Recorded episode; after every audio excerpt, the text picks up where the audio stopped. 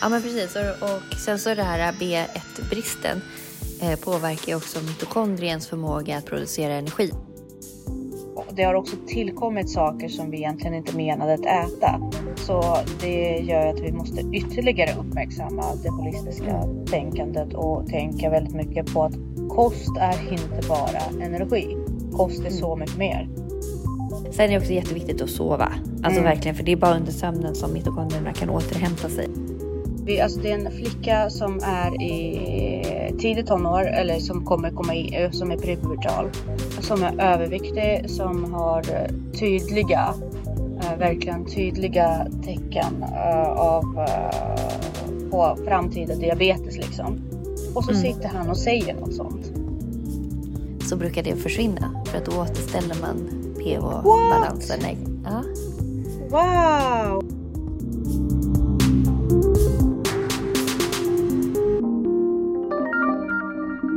Hej Jessica! Hej! Hur har din vecka varit? Jo, men den har varit bra. Det börjar ju dra ihop sig här mot slutet. De flesta barn är väldigt trötta och så, så att det... Det brukar ju vara så att eh, de bästa veckorna är uppstartsveckor. Det är när barn beter sig som bäst. Mm. och de sämsta är innan lovveckor. De beter sig som sämst, tycker jag. Exakt. Ja, lite roligt. Ja. Precis. Men eh, hur har du haft det hemma med lilla Zelda? Jo, men det går bra. Hon är väldigt snäll och duktig och sådär. Sen så har hon lite... Eh, ibland när hon blir lite överspeedad eller övertrött så är hon jättejobbig. Eh, men det är bara att man liksom... Och det är bara en bebis. Liksom, Ja, så men precis. får- ja, men förhoppningsvis så slutar hon bitas snart. Och så. Ja. Sen är hon är ganska... Hon är väldigt försiktig men hon är ändå ganska bestämd. Mm. Eh, vilket också kan vara lite jobbigt. att man så här, Oftast när vi är ute så lyder hon bra. Mm. Men inne, om man ber henne komma, och hon typ ligger någonstans, Mm. då kan hon bara titta på en så här och bara, va? Alltså, nej, det orkar jag inte. Hon är lite bortskämd. Ja, eller jag vet inte, bortskämd. Det väl mer att hon bara, nej, det orkar jag inte. Och sen så typ om, man, om hon har någonting som är jättegott så kan hon ju fortfarande morra lite grann. Inte, alltså hon markerar, alltså hon, det är inte så här att hon hugger eller så. Det har hon gjort Nej. en gång. Eh, verkligen så här fullt utfall. ja. Men då satte vi liksom tonen där. Eller Mm. ja, då fick hon ju klart för sig att det var inte ett okej beteende. Mm. Eh, nu, men hon kan fortfarande lite så här, lite morra. Testa lite gränser. Ja, men ändå tydligt visa att jag uppskattar inte att du Mm. kommer hit just nu när jag äter den här. Eller... Sen så det är inte så här, alltså hon morrar bara, hon gör ingenting mer. Eh, men det finns ju skillnad på deras morr. Alltså. Mm. Eh, de här morren som faktiskt, där hon menar någonting på riktigt. Och de här morren när det bara är så här, hon bara, hon är ganska verbal också. Så att, Vad roligt. ja, Men hon är en hund med hög integritet kan man ju säga. ja, men rottisar har väl det tror jag. Ja, så kan det vara. Jag känner inte det. Jag vet inte så mycket om den rasen faktiskt. Eh, Men eh, du har ju haft en rottis förr. Ja, det har väl satt lite ribba i mina ögon för den rasen. Uh, att du valde en rottis och du valde en rottis igen. Men annars så känner jag inte till dem så mycket. Men Mm. Nej, är men de är, så- väldigt, de är väldigt enkla, eh, väldigt trevliga. Eh, sen är de ju i stort behov av tydlighet och eh, att det liksom händer saker. Mm. Eh, och gör inte det så sysselsätter de sig ju själva och då kan det ju Mm. bli ja, De behöver bli stimulerade. fel. Ja, och sen också att de inte behöver ta liksom, ansvar för eh, saker som i deras värld då skulle generera till kanske ett mer hotfullt beteende. Eller, Mm. Alltså att det är inte deras ansvar att ja, hålla ställningarna. Ja, För ska de hålla ställningarna så gör ju de det på sitt Mm. sätt. precis. Men hur, hänger hon med dig på träning någonting om du ska jobba? Nej, hon är för fortfarande lite för för liten. Ja. Ja. Men är det en ras som kan göra det eller en ras Gud som ja, sliter alltså min, ut? gam... Nej, min gamla var... Så länge de, oftast, det går ju bättre om de får vara lösa för att då kan Mm. de ju springa i sitt tempo och sådär. Men det kräver ju att man har koll på dem. Alltså de, de kan ju fortfarande inte vara så långt ifrån en. Men det är ändå så där. Ja, de kan stanna till och sniffa lite eller springa Ja, lite precis, i och sen förväg springa ikapp, utforska ja. och sådär. Precis. Gud vad spännande.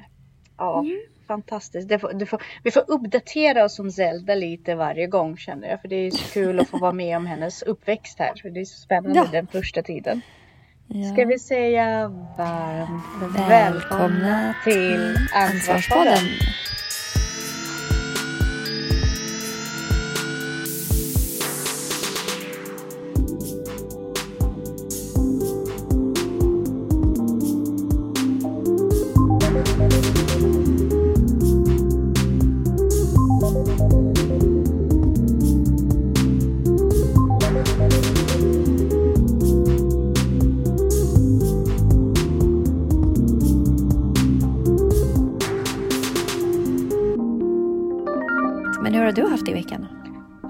Har varit en händelserik vecka. Eh, det har ju varit skolavslutning hos oss förra veckan. Så på fredag gick ju barnen och nu har vi haft planeringsdagar. Och jag är väldigt ovan vid sådana dagar för att de är ju så långa jämfört med hur mycket tid vi tillbringar just på arbetsplats i en fast sittande form. Så jag märkt att min eh, gång har ju gått från typ genomsnitt 17 000 steg per dag de senaste veckorna till 5 000 steg. Och det Oj. gör mig extremt trött. Därför att Ja. nu har vi bara suttit ner. Alltså vi har ju bara Mm. suttit i möten och planerat och så. Och det Mm. har varit slitigt. Så att jag har ju försökt ta igen det så gott jag kan efter jobbet. Men Mm. får man gå längre, snabbare och så vidare. Så att eh, allt det här har genererat att man inte är i sin vanliga rutin.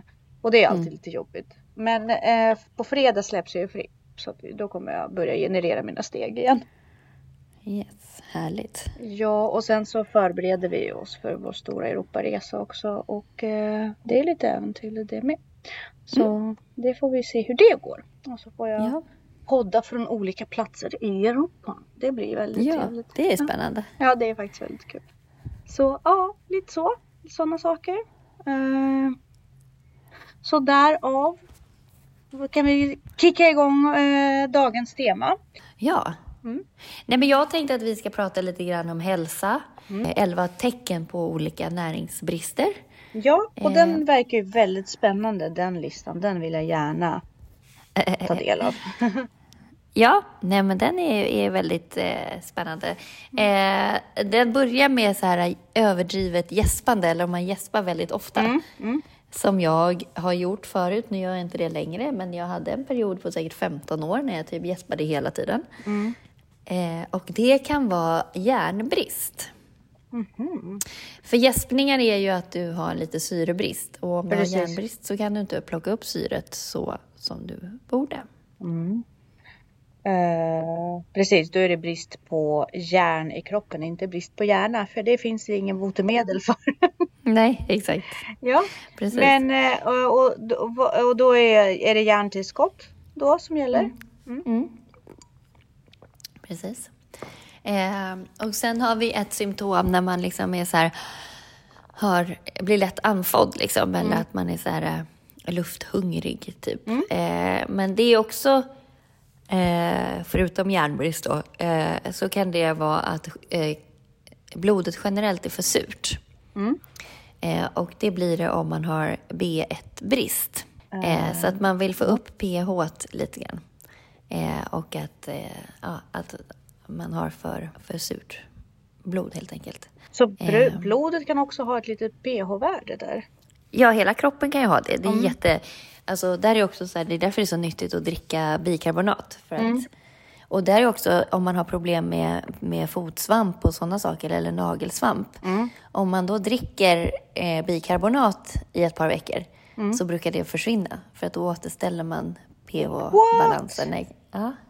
Wow! Ja, jag har faktiskt haft det på senaste och jag är inte så jätteförtjust i att använda olika salvor för många av dem innehåller saker som kortison och så vidare. Mm. Och eh, gud vad bra! Men då vet jag också att eh, jag ska dricka lite mer bikarbonat. Mm. Ja, vad, vad kul att du säger det. Ja. För, för Ja. det är så intressant också för att vi får höra a- om alla de här saker och att det är infektioner etc. Som in, och sen får vi alla de här mm, receptfria läkemedel som finns där ute. Men det är ju ingen som går och propagerar för sådana lösningar liksom annat än om man söker sig till dem själv. Det är mm. väldigt intressant. Mm. Ja. ja, men precis. Och, och sen så det här B1-bristen eh, påverkar ju också mitokondriens förmåga att producera energi. Så är man lite så trött och så där, alltså surheten i blodet mm. försämrar ju mitokondriens funktion då. Eh, och det eftersom den inte får tillräckligt med syre till sig mm. för att liksom komma igång. Och det är inte så bra. Eh, för då kan man ju bli lite trött. Väldigt trött, ja precis som mitokondriernas funktion. Och B1-brist får man ju eh, bland annat om man äter för mycket socker till exempel. Mm. Så att eh, om man vill återställa den balansen så kanske man ska testa att gå in i keto. Mm. Eh, men det är ju väldigt, men man kan ju dra ner på socker i alla fall. Ja. För, för att gå in på keto, äh, i keto, då, ketos, så måste man ju faktiskt slopa nästan alla, alltså alla kolhydrater egentligen. Mm. Man får inte konsumera kolhydrater. Precis. Och det kan vara väldigt omställning om man inte är van vid det.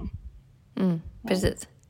Och då en annan intressant eh, följd av det här mm. är att om, om eh, blodet är lite för surt eh, så kan man inte transportera kal kalcium som man ska.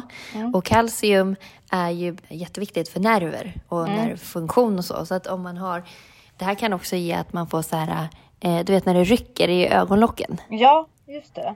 Som tics eh, lite så. Ja, precis. Mm. Eh, det kan eh, på, bero på kalciumbrist också, som mm. beror på att man har surt blod. Okej. Okay. Mm. Och där är också så här, ofta så brukar man prata om det i samband med stress. Att mm. man kan få tics i samband med stress. Men då kan det ju hänga ihop med det du säger att kroppen... Ja, men för stress lakar ju också ur kroppen. Mm, precis. Jag tänker eh. det. Men här kan också äppelcidervinäger hjälpa för att mm. öka, eller åt, ändra pH-balansen. Mm. pH-balansen. Eh, så det är ju väldigt mycket som hänger ihop. Mm. Och också eh, upptaget av kalcium är ju beroende av D-vitamin. Just det. Ja, och det, är återigen hela eh, vikten av ett holistiskt synsätt. Mm. Och eh, matens betydelse och eh, mikronäringens betydelse för oss människor och vår mentala hälsa lika mycket som fysiska. Mm. Mm. Precis. Eh, nästa steg här ser ju, är ju abnormal stool color. Att, att bajset är lite annorlunda. Ja, precis. Och det, det, det speglar ju hur tarmarna fungerar och mm. hur kemin där är. Och där kan ju också vara så här, vilka typer av bakterier har man? Mm. Eh, kan näringen tas upp ordentligt? Där är också äppelcidervinäger fantastiskt bra för att mm. påverka tarmen och näringsupptag. Mm. Men om bajset ser annorlunda ut eller är grönt eller ljust eller flyter eller så där så är det ju att man inte har brutit ner ordentligt. Mm. Eh, så att, och för att kunna göra det så måste ju eh, tarmfloran fungera. Ja, och skulle man vara låg i galla, vad gör man mm. då? Alltså du menar att gallproduktionen ja. är försämrad? Mm. Men jag tänker på det andra var ju där att, uh, att om, om, uh, om bajset är lite gulaktigt eller blekt. Mm. Ja. Då kan det vara så att man uh, har låg galla eller det kan vara gallan, bukspottkörteln eller kanske levern som, mm. som inte producerar tillräckligt med galla. Och det som stimulerar galla är ju fet mat, ägg, gulök och grönsaker. Så att, mm. eh, nu vet inte jag om det menas att man brister i gallproduktion eller att man tvärtom. Men gallan behöver ju se för att lösa upp fettet. Mm, precis. Och där kan man ju också hjälpa, om man har gallproblem så kan man ju faktiskt hjälpa tarmarna också genom att faktiskt äta eh, eller dricka äppelcidervinäger tills mm. man har fått ordning på problemet. Mm. Eh, så det är ju lite sant som man har hört lite om att eh, äppelcidervinäger är ju lite panacea. Alltså det, det är mm. bra. Mm. Precis. Mm. Men eh, generellt att liksom äta mycket grönsaker och antioxidanter och, och så för att, och fibrer för att tarmarna ska må bra. Ja, och där är det också viktigt att poängtera att när man pratar om att äta mycket gröna bladgrönsaker och så, det är inte garneringen med lite persille på. Utan det, vi pratar om ganska stora mängder av eh, färsk spenat och ja, mindre är ju bättre än ingenting om vi säger så. Mm. Men, men det kan vara eh, av vikt att lägga in mycket fiber, alltså fiberrika grönsaker, gröna grö- bladväxter i sin kost är ju inte någonting man går miss, alltså ingenting man, man förlorar på överlag. Nej. För det är bra Nej, för precis. så många olika saker. Så att stora gröna mängder. Ät Mm. mycket grönt. Mm. Mm. En annan grej som jag tycker är coolt om man har det här ont i ländryggen och i bäckenet Mm. så kan det vara ett tecken på D-vitaminbrist. Mm. Det är faktiskt coolt. Och eh, D-vitaminbrist leder ju också till eh, muskel, muskelsmärtor också. Ja, precis. Och där säger de också så här, är man öm i sternum, alltså i bröstbenet, Mm. så är det ett ganska säkert tecken på D-vitaminbrist. Och jag tänker ett land som Sverige Ja, så kan man ju verkligen eh, på vinter då kommer ju krämporna. Alltså jag tycker att generellt är man stelare på vinter, man spänner sig mycket och sådär. Och reagerar kroppen på det med smärtor och så. Så kan det definitivt vara fördelaktigt. För det, det blir alltid lite lättare efter att man har börjat inta D-vitamin. Det tycker jag i alla fall. Det är en jättestor, ja. eh, jättestor skillnad med hur man känner sig eh, Verkligen. krämpig. Verkligen. D-vitamin och C-vitamin tycker jag påverkar jättemycket. det gör det. Eh, och D-vitamin, eh, ja men precis. Eh, och sen så har vi ju det här med jod. Så att om man är känslig för kyla så har man, kan det vara jodbrist. Mm. Eh, för det påverkar sköldkörteln och sköldkörteln påverkar temperaturen i kroppen. Mm. Eh, och om man inte tål eh, värme speciellt bra så kan det också vara B1-brist. Eh, men de säger också att eh, köldintolerans också kan bli, vara B1-brist men eh, det är må, mera liksom, troligt att det är jod. Men det är så himla komplicerat hela kroppen. Ja, och jag tänker så här, jag är överlag alltså, rätt sensoriskt känslig så. Så där måste man också tänka på utifrån sig själv. Eh, vad är det som gör? Är det en brist eller är det bara att jag, jag, jag tycker det är jättejobbigt att gå ut ur duschen. Att duscha överhuvudtaget är skitjobbigt och är den kall så är det ännu jobbigare. Ja, Men, eh, men jag skulle inte säga att jag är överlag känslig för kyla. Däremot är jag väldigt känslig för värme. Men eh, ja men jag med. Jag är också jättekänslig för värme.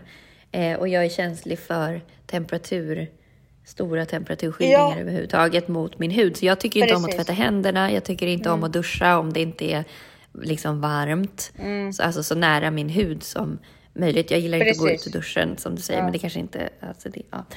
eh, men jag gillar generellt inte då, eh, vad säger man, eh, elementförändringar på huden. Mm, precis. Ja, det var bra du uttryckte det. Och det är så, det är så roligt för att jag träffade eh, en kollega som jag ska jobba med eh, nästa år. Hon är, älskar ju eh, eh, vad heter RSMR. RSMR. Alltså det, de här lite bakgrundsljud som är lite så här, Ja, ja, Jag ja. avskyr det. Jag blir jätteirriterad på det. Jag tycker det är jättejobbigt sensoriskt att höra det där. Och jag Ja. blir riktigt eh, irriterad på det. Jag klarar inte av när folk sitter och pillar på sina fingrar du vet. Ibland när man har Nej, nej. li- lite hud och man bara hör det här ljudet. Ja. Jag avskyr det. Och hon bara, Ja. jag tycker det är så lugnande. Jag kan bara sitta där när min pojkvän liksom drar i nagelbanden och sådär. Jag bara, åh gud. Man kan vara så olika. Man kan Ja, vara så verkligen. olika. Eh, förlåt att jag spårar ur här men jag tänkte Nej, på det här, samma sak med hur man upplever kyla. Kan det också Ja. Mm. handla om sensoriskt. Men definitivt att eh, jod och eh, B-vitamin kan påverka. Mm. Nej, men precis. Där har jag också Mm. hört att just med kyla, förlåt, att fiskolja brukar kunna hjälpa med det också. Den, Mm. Ja, jag har eh, också hört det. Mm, ja, det brukar också hjälpa. Det, är väl, det måste ju väl nå- någonting vara med det här, vad är det heter, underhudsfettet, inte, inte fett fett utan det är just det, det lagret som värmer. Mm. Eh, som påverkar det. Ja. Mm. Ja, sen så har de ju så här, när man har så vit beläggning på tungan, Mm. att det är ju en överväxt av candida som är liksom en, en gästsvamp. Och den lever ju på eh, socker. Mm. Eh, de äter ju inte fett eller proteiner eller så, utan det är socker. Så då får man ju dra ner på socker. Där kan man också faktiskt måla tungan, eller vad man ska säga, så här, strö på bikarbonat. Mm. För de gillar inte den typen av pH-värde. Candida, det kan man ju också ha i underlivet. Är det så? Ja. Det har jag hört. Att man, det, men det, det är av samma anledning då. Det är sock, också gäst. gäst Ja, och det är en obalans i Mm. Om man har svamp. Mm. Så det är samma, det är i princip samma. Ja. Det man har Jag tror att det är så fiffigt finurligt faktiskt att sperma innehåller en optimal pH-balans. Ah. Eller om den är som den ska. Liksom. Spännande. Eh, så att, ja. eh, vad har vi mer då? Och sen så har vi ju det här med eh, kolesterol. Mm. Eh, och då är det, eh, om det finns en obalans i det, det finns ju gott kolesterol och, och dåligt kolesterol, så är det B3, alltså niacin, Mm. eh, som eh, man behöver äta för att få lite mer balans i det här.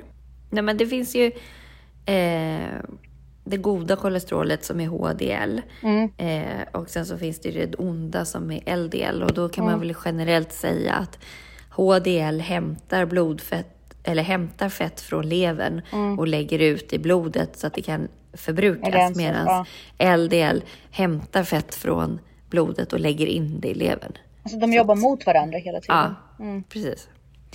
Eh, så det är som en kapplöpning där på något sätt. Mm. Eh, sen så har det här när man, när man svullnar upp, alltså har så här svullen mage och så. Eh, och då är det ofta att man, eh, man har brist på eh, magsyra så att man inte kan liksom, tillverka eller bryta ner maten. Eh, så att, eh, då ska man reglera det.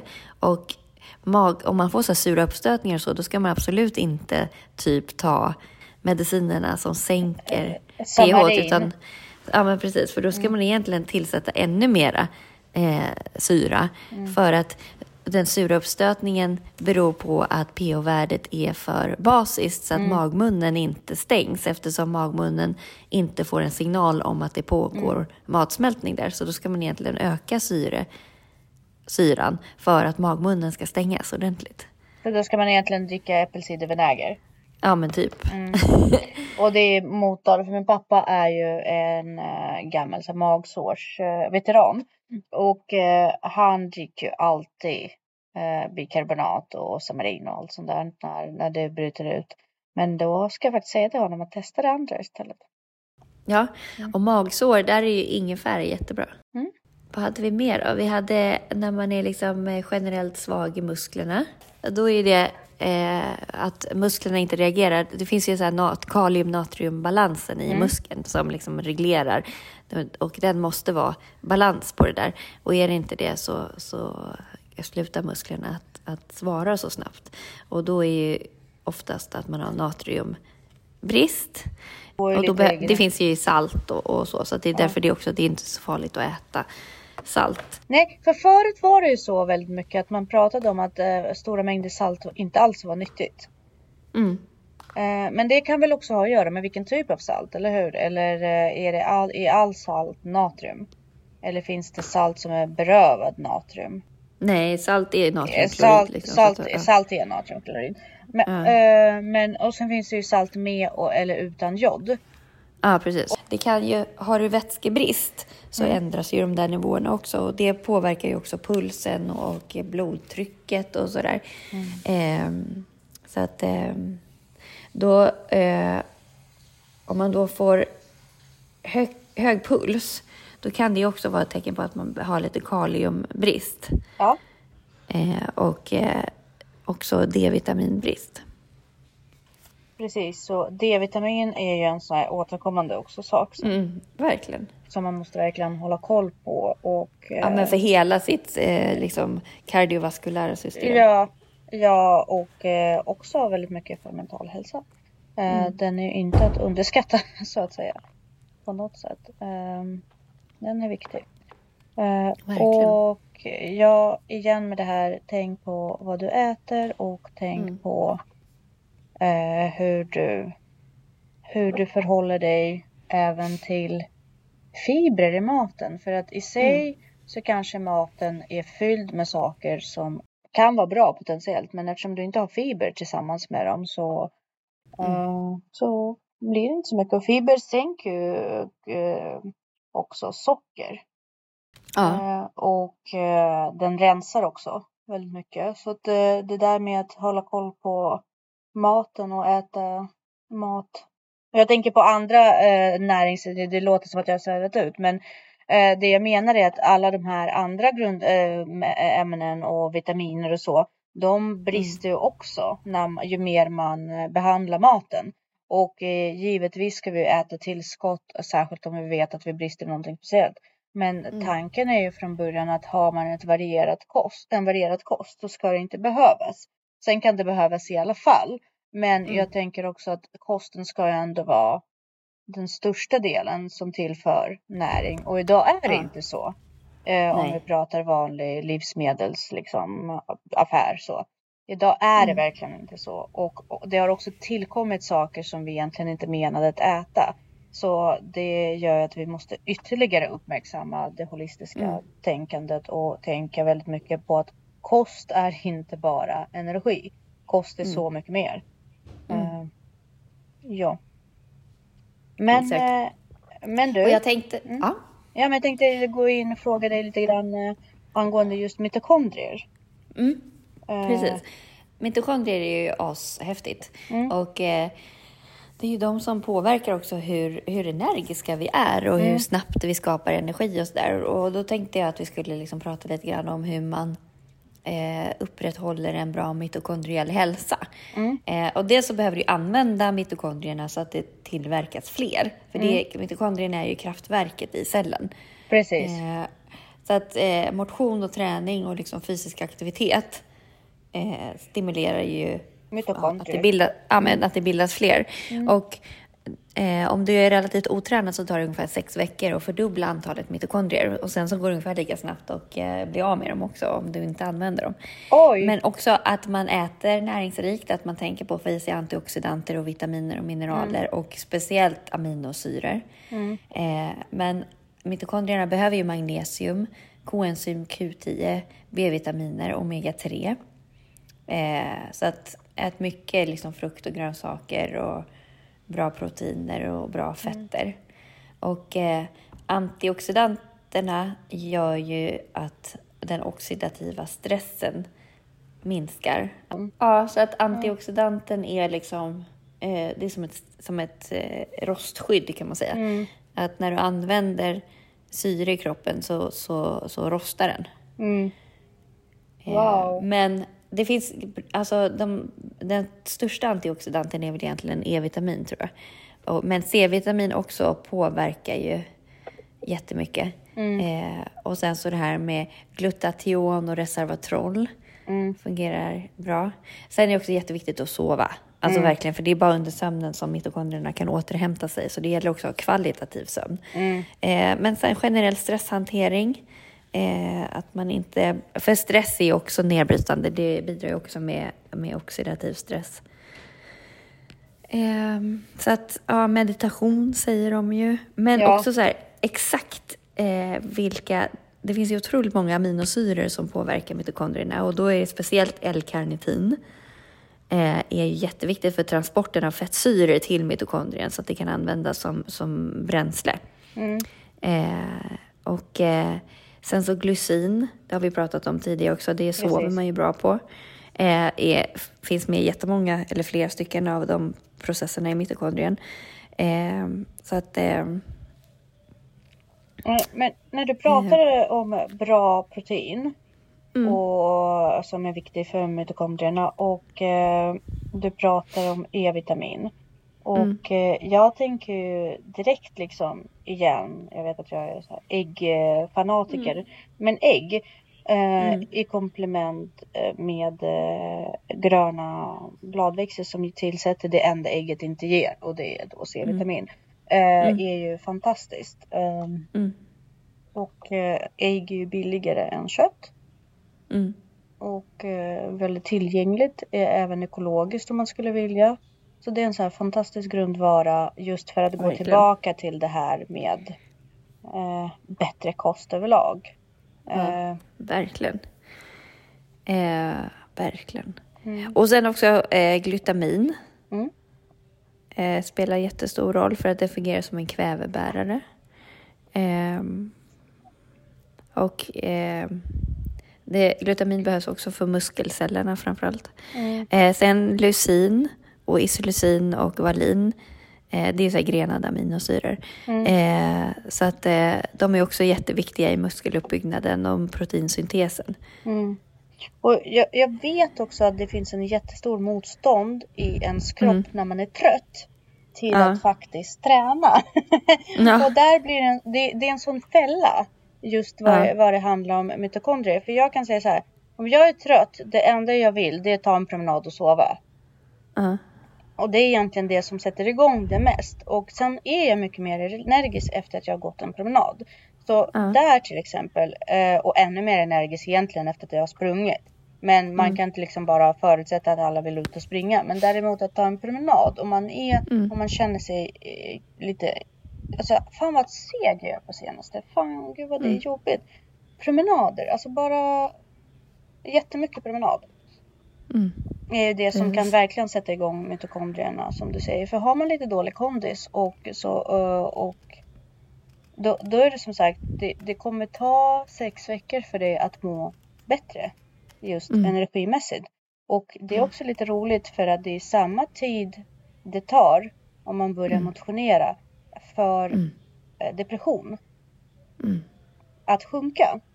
Så det är väldigt spännande att ju mer energi vi får i kroppen desto mer dämpas även då depression. För att de hänger Mm. ihop så himla mycket. Vilket är ännu mer viktigt för oss i Sverige under de mörka månader, mörka kalla månader. Då vi vet att, Verkligen. att både trötthet och depression är någonting som, ja, jag skulle säga ett nationellt problem här. Ja, Mm. verkligen. Ja, nej men det, det är coolt det här hur, hur kroppen fungerar verkligen och hur... Gud, absolut. Ja. Och eh, det är verkligen alltid värt att sätta sig in i det därför att man har verkligen ingenting att förlora. Och just Nej. att det är så intressant att den konventionella medicinen, fast jag Ja. tycker ändå att de har blivit bättre, att det är någonting som är helt eh, avsaknar på något sätt eh, Mm, den utbildande delen där vi får veta varför. Och, utan Mm. det, det är väldigt mycket så här. Du har det, här har du recept. Du har det, här har du recept. Eh, så att, ja, väldigt spännande. Jag blev riktigt förbannad när jag fick höra från Elisabeths läkare. Det kan vi faktiskt ta Mm. eh, ett annat Mm. avsnitt och prata om eh, psoriasis. Hon Mm. har ju fått psoriasis och det är ganska vanligt att man får psoriasis eh, både i tonåren men även när Mm. man har eh, NPF och sådär. Och Mm. då pratade vi med läkaren och jag har ju var- varit på henne med att men vi borde faktiskt prata om din kost och så vidare och Ja, ser du nu ja. har du fått psoriasis. Då sitter ju läkaren där och säger det finns ingen forskning jo. som, ja men det, och det här var alltså på psoriasis, eh, Ja, nej men alltså, på, förlåt, på hud. men alltså det finns jättemycket forskning som visar att D-vitamin är jättebra för psoriasis. Ja. Och där har, sitter vi, alltså det är en flicka som är i tidigt tonår eller som kommer komma i, eh, som är prepubertal. Som är överviktig, som har eh, tydliga, eh, verkligen tydliga tecken eh, av eh, på framtida diabetes liksom. Och så Mm. sitter han och säger något sånt. Men det är som jag har en kompis vars läkare sa att eh, kost påverkar inte cancer på något sätt. Det spelar ingen roll vad du äter. Ja, det är ju det är så drygt att man blir, Mm. man går till en instans som ska vara Mm. eh, expert Mm. och det mest kompetenta och pålästa. Mm. Och sen så Fast bara... alltså läkare kan ingenting om kost. Vad du? Alltså verkligen, de kan ingenting Nej. om näringslära. Nej. Nej, Samtidigt det också, vad säger, vad ska, man kan ju inte begära att de ska kunna allt. Läkare kan eh, sjukdomar, Sjukdomar, relat, ja. relatera till läkemedel. Mm. Men de kan inte frisk, eh, frisk hälsa, alltså de kan inte hälsa. De kan, sjuk, Nej, men de kan- sjukdom, men de kan inte hälsa på något sätt. Nej precis, de har ett patogent synsätt. Precis, alltså, så här, väldigt patogent Men, de, och- men inte salutogent. Nej, exakt. Sen finns Ja. det jättemånga läkare som är intresserade och kan skitmycket. Så Ja. att vi ska inte... Så är det. Men, Men, det, det hade varit... Eh, det, jag tycker det är likadant det här med diabetes också. Ja. Alltså eh, patienter som har kommit in och lagt om sin, sin kost. Mm. Inte efter diabetesrekommendationerna utan mer så här, kanske bara strupit alla kolhydrater. Mm. Och fått bort väldigt mycket av symptomen och det har förbättrats avsevärt. Och sen så har de fått i respons av läkarna. Så, här, så där kan du inte göra, då dö, kommer du dö. Mm. Precis. Fast, istället för att bara, shit, du har fått så bra resultat, vad är det du har gjort? Exakt, och bara kan vi titta lite mer på det och faktiskt intressera sig för det. Mm. Ah, tråkigt. Ja, Men du? Verkligen. Kan vi sätta punkt för det den här veckan i alla fall? Ja, det gör vi. Och så hörs vi igen nästa gång. Det gör vi. Ha det bra! Detsamma.